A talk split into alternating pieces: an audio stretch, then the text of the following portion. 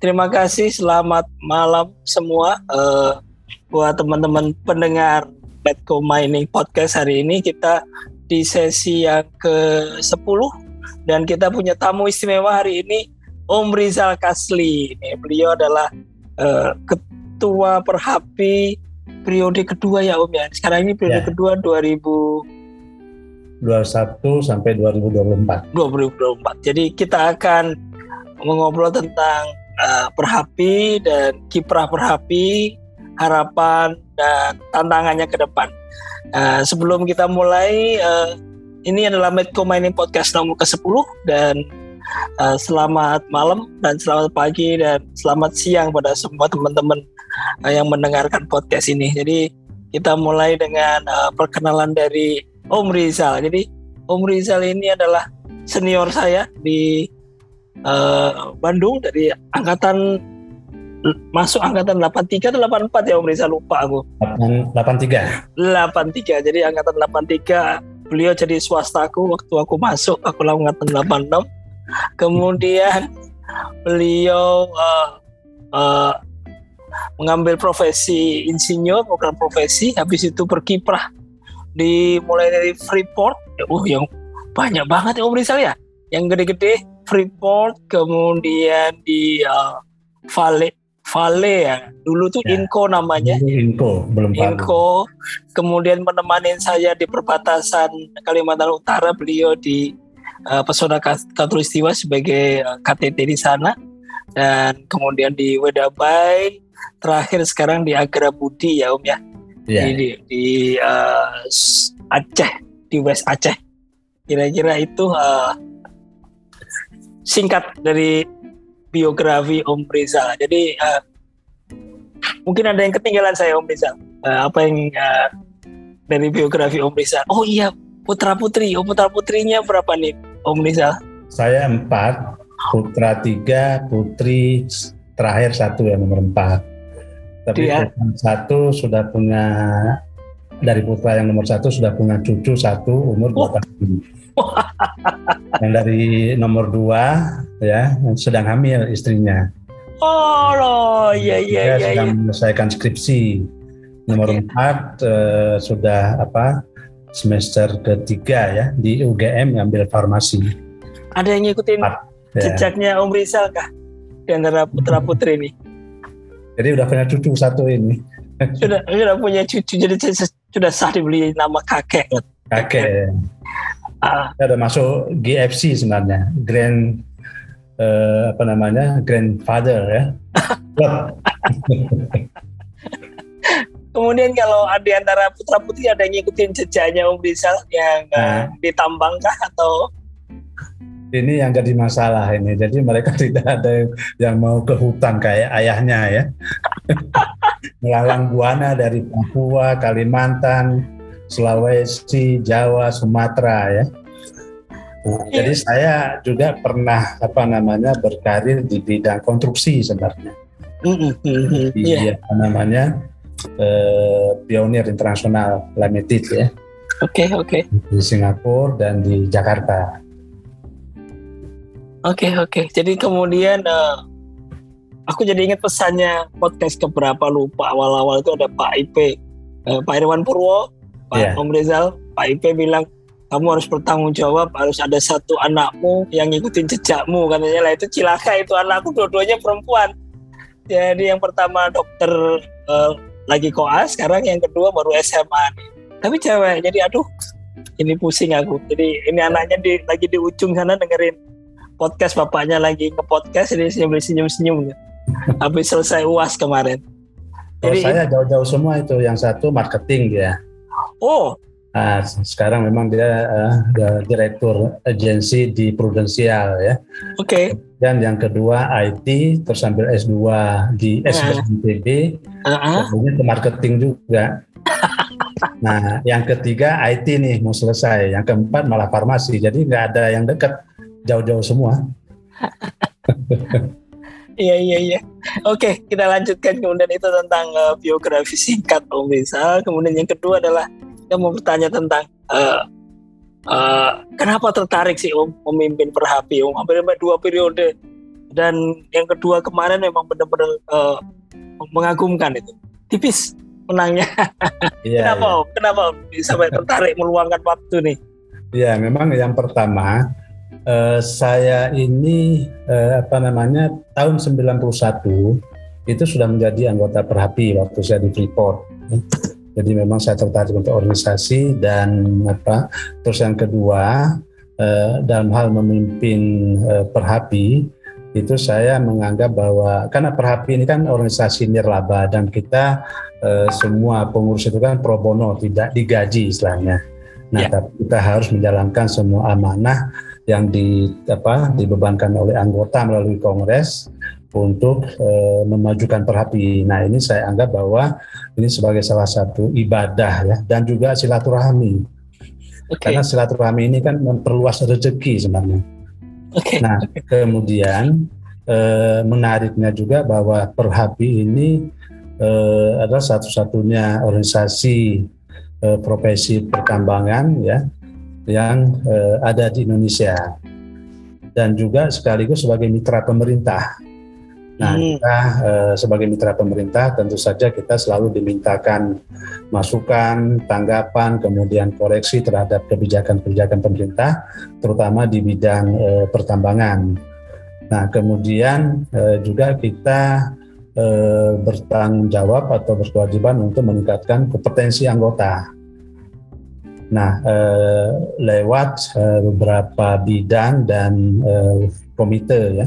Yeah. Nah, kemudian juga eh, Perhapi membuat atau melahirkan standar. Salah satunya adalah standar kode eh, KCMI ya. Eh, kode eh, mineral, eh, kode cadangan mineral Indonesia.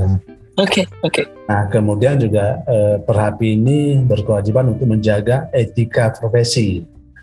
Nah, mm-hmm. seperti CPI, kompeten person kita, itu harus dijaga etika profesinya supaya apa eh, dia tidak apa, melenceng dari ketentuan-ketentuan yang eh, sudah ditetapkan secara eh, internasional malah. Oke. Okay. Nah, begitu. Oke, okay. Terima kasih Om Risa. Jadi ini tadi uh, ada ada kayaknya udah dirangkum nih ada beberapa pertanyaan yang tentang uh, secara visi misi gitu ada kemudian apa yang dicapai oleh Perhapi.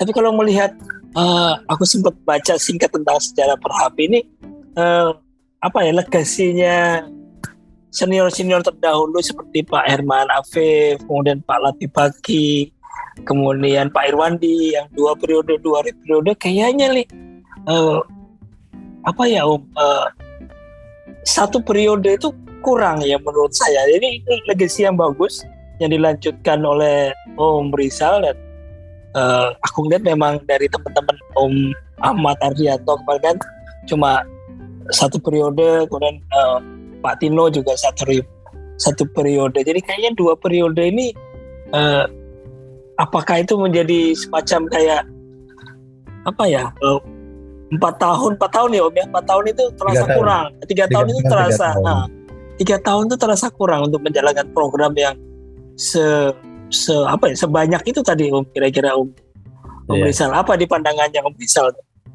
Ya memang eh, apa namanya eh, para senior kita itu kan dulu yang pertama ketuanya itu Pak Kosim Ganda Taruna. Betul. Dia adalah eh, apa namanya salah satu inisiator atau pendiri Perhapi ya waktu itu beliau menjadi dirjen eh, pertamaan umum. Ya Mm-hmm. Belum Pak waktu itu. Nah kemudian Betul. dilanjutkan oleh Pak Madi Asawarai. Ya. Periode dan eh, dilanjutkan oleh Pak Herman Nafif dua periode, Pak Latif Baki dua periode, Pak Irwandi. Betul. Periode. Kemudian eh, Didi hanya Pak Ahmad Ardianto atau Didi itu hanya tiga bulan karena dia pindah ke Eropa ya. Iya, eh, iya, iya. Kemudian dilanjutkan oleh eh, Pak Tino. Kolegial. kolegial. Oh, kolegial, betul betul kolegial. Yanto, Mini, Bu Besarini Hamid dan eh, Teddy Jaman ya. Iya. Nah ya, setelah ya. itu Pak Tino satu periode dan saya ini kemarin alhamdulillah masih dipercaya oleh anggota eh, apa namanya uh, memimpin uh, Perapi untuk periode kedua. Nah, memang kalau kita lihat bahwa uh, apa uh, karya-karya yang dihasilkan oleh para pendahulu kita itu uh, cukup uh, sebenarnya sudah cukup banyak ya. Uh, salah satunya adalah pendirian lembaga sertifikasi profesi perhapi atau LSP hmm. perhapi.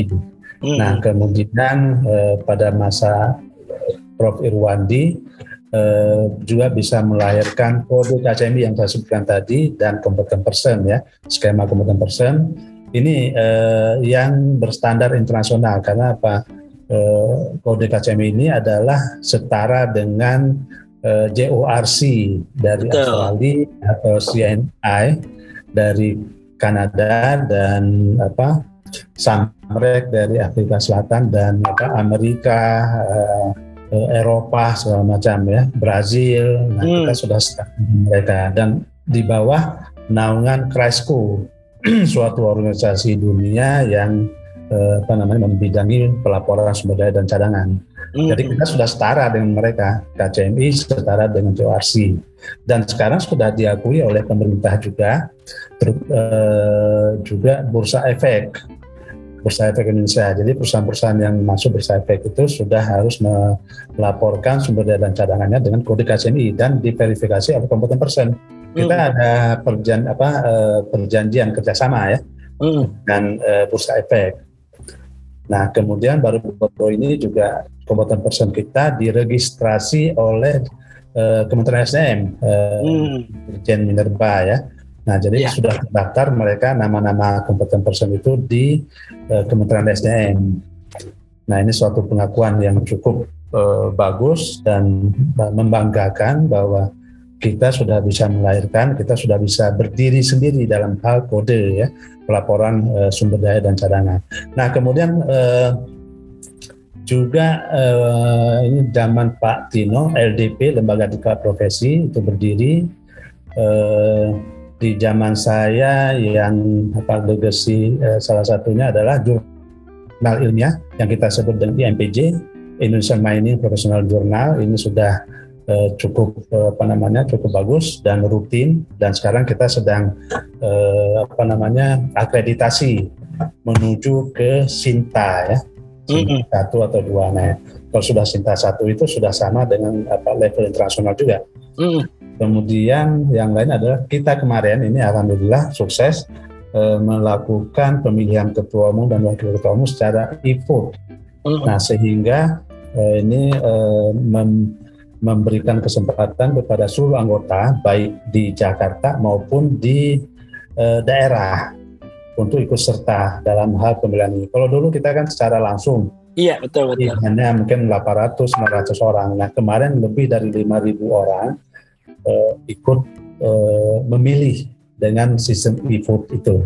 Dari total berapa yang anggota ya Om uh, Rizal? Uh, jumlah anggota kita uh, itu 9.439. Ini per September ya. Iya. Nah, tetapi yang aktif hanya 5.500 lah kira-kira. Oke, okay. Okay. Uh, dan yang aktif itu yang ikut kongres kemarin mm-hmm. cukup ramai. Biasanya kan 800 paling 900 ya. Yeah. Kalau secara langsung. Nah, memang tidak ada yang tidak aktif sebanyak sekitar 3.000 3.500. Nah, ini dengan berbagai alasan ada yang sudah meninggal, pindah alamat, nggak bisa dihubungin ya. Mm-hmm. Kemudian ada juga yang apa namanya uh, yang memang tidak aktif, tidak aktif artinya tidak membayar iuran, nah sehingga tidak apa, ikut ke kegiatan seperti kongres. Jadi cukup lumayan ini, ada hampir 10 ribu kita anggotanya, walaupun sebagian masih ada yang belum aktif. Dengan mengelola segitu banyak anggota, kemudian sebegitu banyak program, hmm. sumber pendanaannya bagaimana ya organisasi ini ya? Uh, sudah sumber pendanaan terutama dari iuran anggota sebenarnya. Nah dari iuran anggota, kemudian kita juga ada apa namanya eh, kegiatan-kegiatan lain yang eh, apa namanya yang menghasilkan dana misalnya seperti TPT kemudian conference-conference yang kita lakukan itu selalu ada selisih apa sisa lah sisa hasil dari apa namanya kegiatan tersebut yang itu akan masuk ke kas uh, perhapi. Kemudian juga ada uh, apa diklat-diklat dan apa uh, pelatihan yang kita lakukan. Nah itu juga biasanya ada selisih walaupun memang sedikit lah ya. Nah itulah yang mendukung eh, apa namanya pendana perhati. Nah kemudian ada juga kita pengelolaan eh, keuangan. Nah kita melakukan apa namanya eh, istilahnya dengan sistem eh, kemarin deposito, tapi ke depan kita akan lakukan dengan eh, misalnya dengan apa eh, membeli dana reksa, ya, hmm. sehingga dana yang ada di kas tidak diam, tapi dia akan Eh, juga berfungsi sebagai sumber pendanaan bagi eh, terapi sendiri. Kalau misalkan sumber pendanaannya misalkan dari donasi, grant atau apa pun dari perusahaan swasta itu apakah nanti nggak mempengaruhi apa kemandirian atau independensinya dari Perhapi ya? Uh, kita tetap independen ya. Eh, karena uh, ke, apa namanya uh, pendana pendanaan sponsorship ya. Sponsorship dari perusahaan-perusahaan itu memang uh, kita selalu apa harapkan. Nah sebagai sponsor dan itu juga berfungsi sebagai uh, media promosi juga bagi bagi perusahaan nah terapi sendiri itu tetap independen artinya uh, kita uh, menjalankan organisasi ini secara profesional Eh, kita kaji. Nah, eh, suatu hal yang memang eh, menjadi apa topik kajian sehingga ini bisa menghasilkan sesuatu yang bisa bermanfaat bagi perusahaan sendiri. Nah, seperti sekarang misalnya kita sedang mengkaji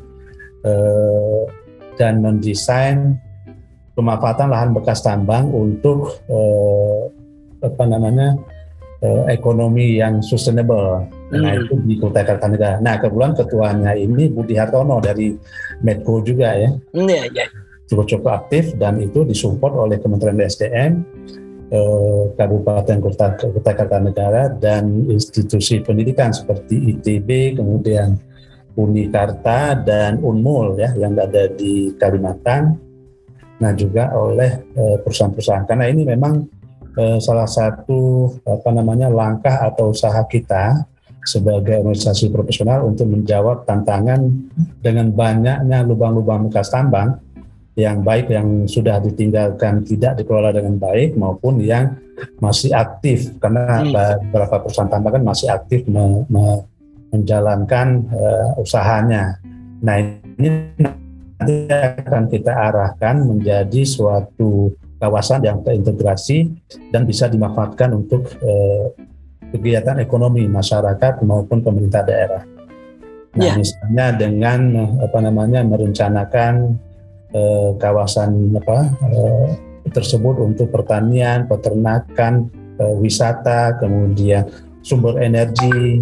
Nah, ini semua bisa menghasilkan eh, kegiatan ekonomi yang eh, sustainable dan juga kita merencanakan eh, pembangunan museum tambang Indonesia di eh, Kutai Kartanegara sebagai pusat kegiatan dari kawasan tersebut. Oke, menarik Om. Kalau di ke depannya nih, jadi tiga tahun lagi kepengurusan Om misalnya, ada program yang akan yang belum dicapai dan direncanakan akan dicapai, kira-kira apa ya Om bisa? Nah, yang belum kita capai eh, dan sedang kita kerjakan itu yang tadi saya jelaskan kajian dan desain kawasan terintegrasi pemutaran hmm. bekas tambang ya untuk ekonomi berkelanjutan termasuk pembangunan museum tambang Indonesia di Kutai Kartanegara ini sedang berjalan. Jadi ini kita eh, harapkan ini bisa kita selesaikan karena dalam waktu dekat kita juga akan eh, mengirimkan mahasiswa pasca sarjana dari ITB eh, terutama dari landscape arsitektur untuk melakukan eh, pemetaan eh, apa namanya baseline di sana seperti budaya, sosial, ekonomi. Nah ini menjadi dasar daripada desain kawasan tersebut nantinya. Nah yang kedua adalah eh, kita sedang menggarap atau menyelesaikan kode penilaian mineral Indonesia atau hmm. namanya belum ditetapkan Val, Valmindo ya atau oh, Valmindo. Ya. Nah, nah, ini dulu digawangin oleh atau dipimpin oleh almarhum Budi Santoso. Mm -hmm. Dan beliau oh. meninggalkan kita, jadi kita sedang apa namanya mendiskusikan uh, penerus dari uh, Mas Budi almarhum yeah. Mas Budi Santoso ini siapa? Nah ini sangat penting ini untuk uh, penilaian perusahaan-perusahaan tambang yang ada di Indonesia apabila uh, apa mau go public atau terjadi uh, merger atau acquisition ya. Mm-hmm. Nah ini uh, yang kita targetkan uh, selesai di periode kedua saya.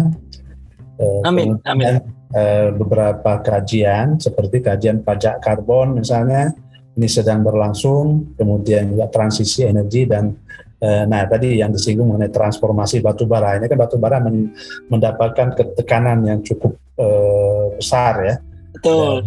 Secara global uh, untuk diakhiri pemakaian batu bara untuk energi.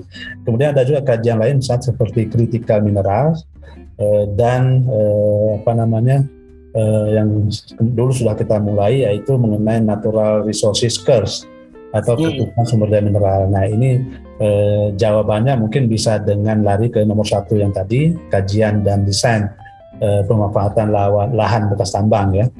Iya, iya, iya. Tidak ya. menjadi kutukan sumber daya uh, alam di suatu daerah. Nah, kemudian juga ada kajian-kajian lain yang salah satunya misalnya seperti upaya penanganan peti. Karena hmm. kami merasa bahwa peti atau tambang tanpa izin ini ini akan menjadi isu yang sangat dominan di tahun-tahun mendatang karena apa? Pertumbuhannya cukup pesat. Eh, penanganannya oleh pemerintah juga masih belum apa belum jelas arahannya. Iya, masih sporadis ya Om ya. Hukum ya.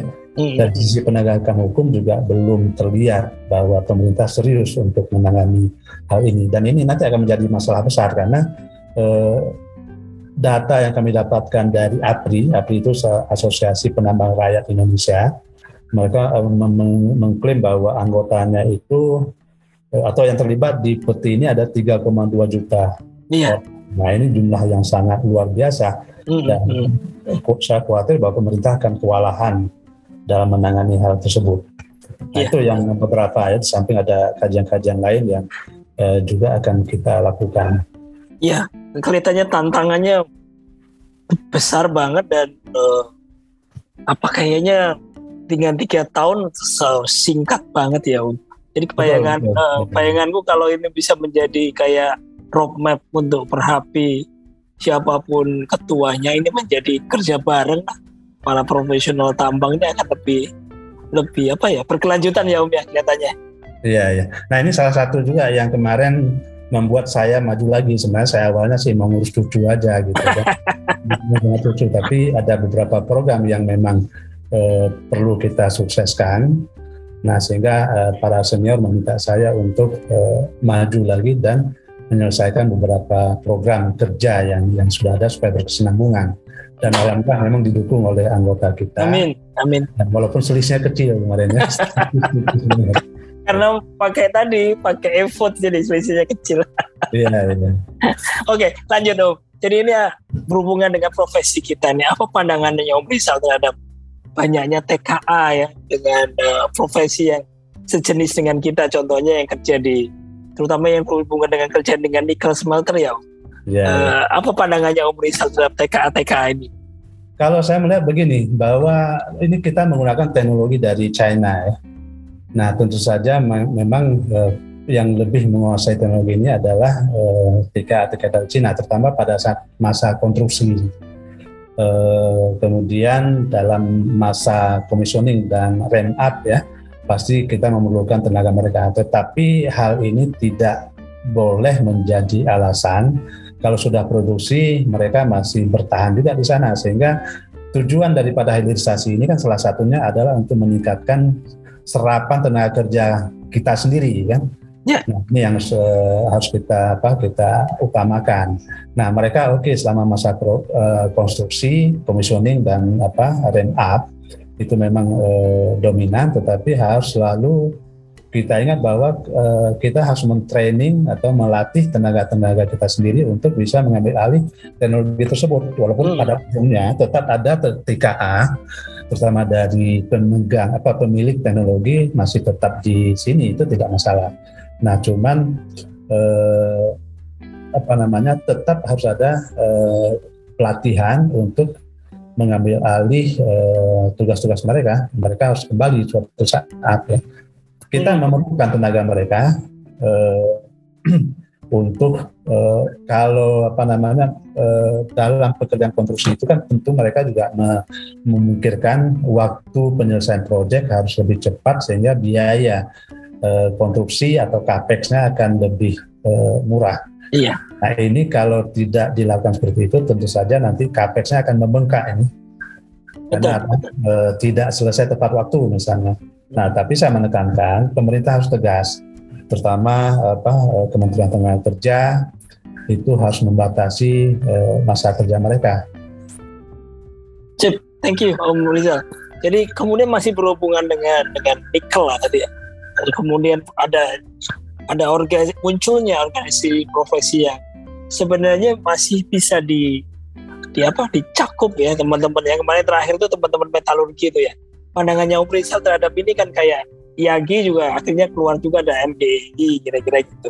Kalau tentang kayak kayak organisasi profesi yang yang sebenarnya sejenis ya dengan profesi kita tuh pandangannya Om Rizal bagaimana nih Uh, yang pertama begini, kalau seperti di Nikel ada APNI sekarang APNI, ah, ah.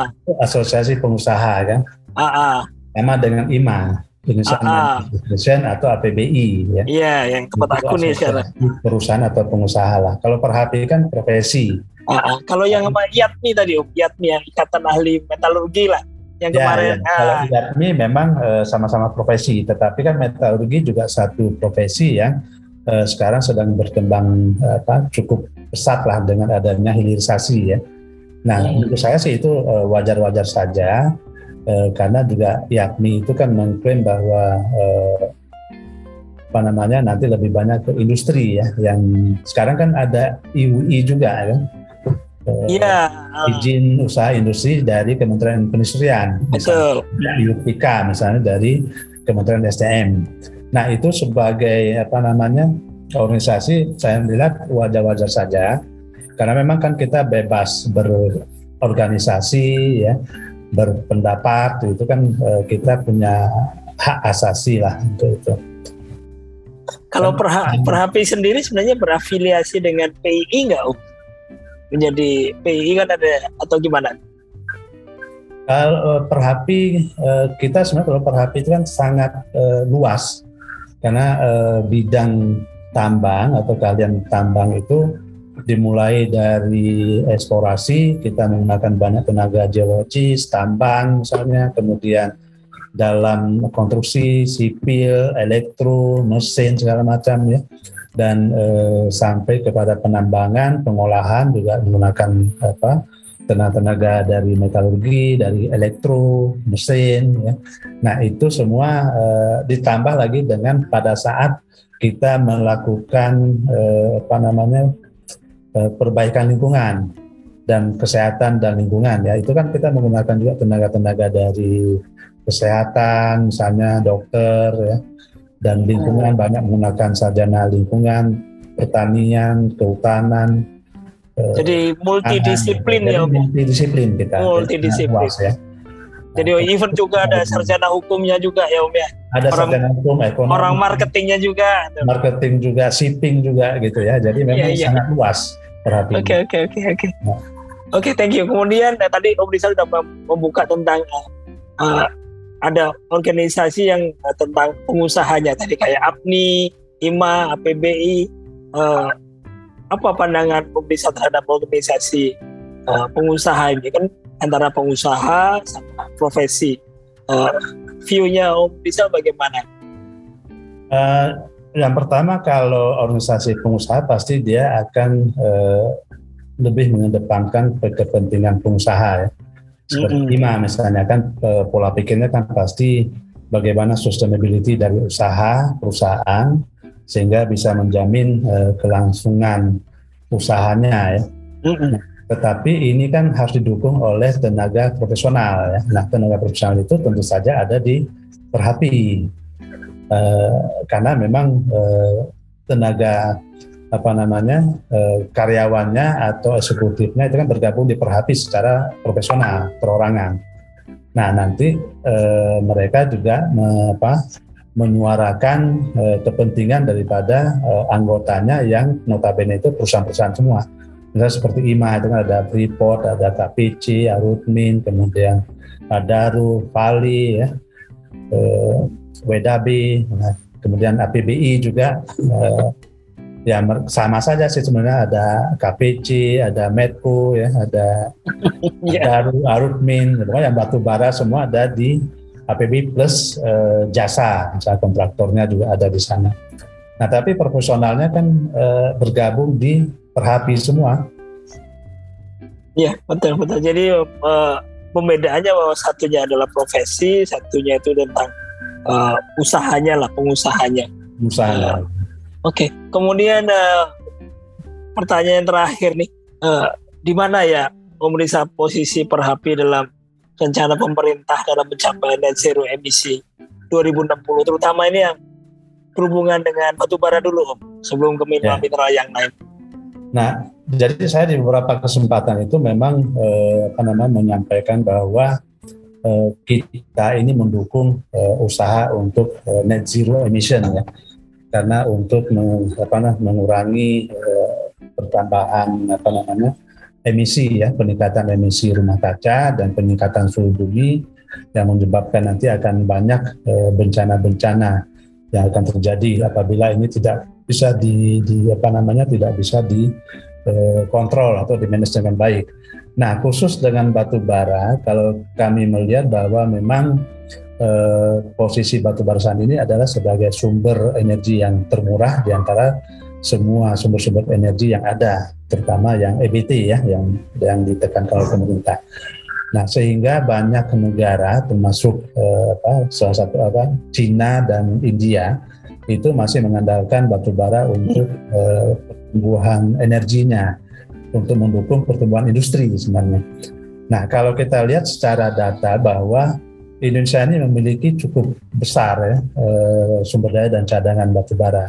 Nah kemarin saya sampaikan di suatu seminar dengan majalah tambang bahwa untuk yang menghasilkan apa energi seperti listrik batu bara kita yang kal kalori sedang ya yang sedang diramaikan sekarang itu cukup untuk eh, sampai tahun 2060 tanpa dilakukan eksplorasi. Kalau kita melakukan eksplorasi lanjutan tentunya akan menambah umurnya. Nah, kemudian yang kedua, pemakaian batu bara di Indonesia ini tahun 2017 saya melihat satu setengah persen secara global dibandingkan dengan Cina 54 persen, India mungkin 18 ya, Amerika 12. Nah tahun 2020 memang meningkat Indonesia menjadi 2,2 persen secara global, tapi masih jauh sekali di bawah Cina dan India ya. Hmm. Kita sama dengan apa setingkat dengan apa Taiwan, Korea lah kalau nggak salah atau Jepang ya. Nah untuk itu, untuk itu memang kita harus melihat secara apa secara bijaksana jangan sampai kita tiba-tiba menghentikan batu bara tetapi kemudian kita mengalami kesulitan energi untuk bisa tumbuhnya industri secara bagus ya. Nah, beberapa negara kan kita lihat sekarang kesulitan juga listrik ya. Betul. Eropa karena mereka komit untuk menghentikan ini. Nah, tapi kita setuju bahwa ini harus ada eh, transformasi secara terukur ya Hmm. Kita meninggalkan kepentingan negara kita untuk pertumbuhan listrik dan industri. Eh, tiba-tiba kita mengandalkan EBT, tapi tidak cukup berkembang dengan baik karena yang pertama adalah eh, masalah harga. Nah, masalah hmm. harga ini juga Presiden mengatakan bahwa ini siapa yang akan menanggung eh, pemerintah kesulitan dana, masyarakat pasti akan demo karena harga listriknya bisa meningkat dua kali lipat misalnya. Nah ini hmm. harus dengan baik. Mungkin begitu, Om Kris. Terima kasih banyak. Jadi uh, menarik banget. Jadi sebagai closing remarksnya nih, closing statement dari Om Rizal tentang uh, Perhapi dan uh, malam ini apa yang mau disampaikan kira-kira Om Rizal buat yang pertama kali ya teman-teman profesi yang di batubara agar tidak galau. Kedua tentang uh, sendiri untuk teman-teman muda ini, teman-teman yang masih mahasiswa uh, apa yang sudah disampaikan oleh Om Rizal di kesempatan ini Om? Ya, yang pertama uh, saya menghimbau semua anggota Perhapi atau uh, profesi tambang untuk kita semua bergabung di Perhapi, kemudian mari kita bekerja bersama memajukan, kita kaji masalah-masalah uh, yang ada di pertambangan. Kemudian yang kedua juga untuk para mahasiswa, saya mengapa namanya mengharapkan bahwa para mahasiswa bisa bergabung juga sebagai anggota mahasiswa di Perhapi dan kemudian kita aktifkan kegiatan seperti diskusi, kajian, ya, sehingga ini bisa semua menghasilkan eh, apa namanya sesuatu yang bagus untuk dunia pertambangan dan negara kita. Kemudian untuk teman-teman di batubara eh, nggak usah khawatir, ya saya dulu bercita-cita masuk perminyakan, katanya minyak akan habis. Ternyata iya. saya lari ke tambang ya. Ternyata minyak sampai sekarang juga masih aktif ya. Nanti kita pensiun belum belum apa-apa karena saya dulu nggak mau masuk perminyakan karena ada isu minyaknya akan habis. Nah sekarang ada isu batu bara akan habis. Nah ternyata setelah kita lihat data sampai 2060 kita kan sudah pensiun Om Kris. Sudah nggak ditambang lagi kan? Kita iya, iya. itulah kali ya. Tapi masih masih banyak. Apalagi kalau nanti bisa kita lakukan dengan hilirisasi. Itu banyak sekali potensi yang bisa kita garap. Nah tapi kita harus selalu melakukan eh, apa namanya kajian kemudian terobosan teknologi sehingga ini bisa kita konversi menjadi produk-produk lain yang uh, juga bermanfaat bukan hanya untuk energi. Kalau untuk energi saya melihat sampai 2060 ini masih aman kita. Dan yeah. saya Om Kris sudah enggak kerja lagi di tambang, sudah pensiun gitu. Iya. Khawatir ya. Semoga masih diberi umur. Closing statementnya benar-benar padat, pernas dan menyejukkan Om. Terima kasih banyak uh, Om Rizal untuk uh, paparannya untuk diskusinya malam ini di Medco Mining on Stage episode 10 dan uh, terima kasih banyak. Stay safe stay healthy and salam tambang buat semua teman-teman. Terima kasih Om Rizal terima selamat, kasih sama-sama. Selamat, selamat malam, malam.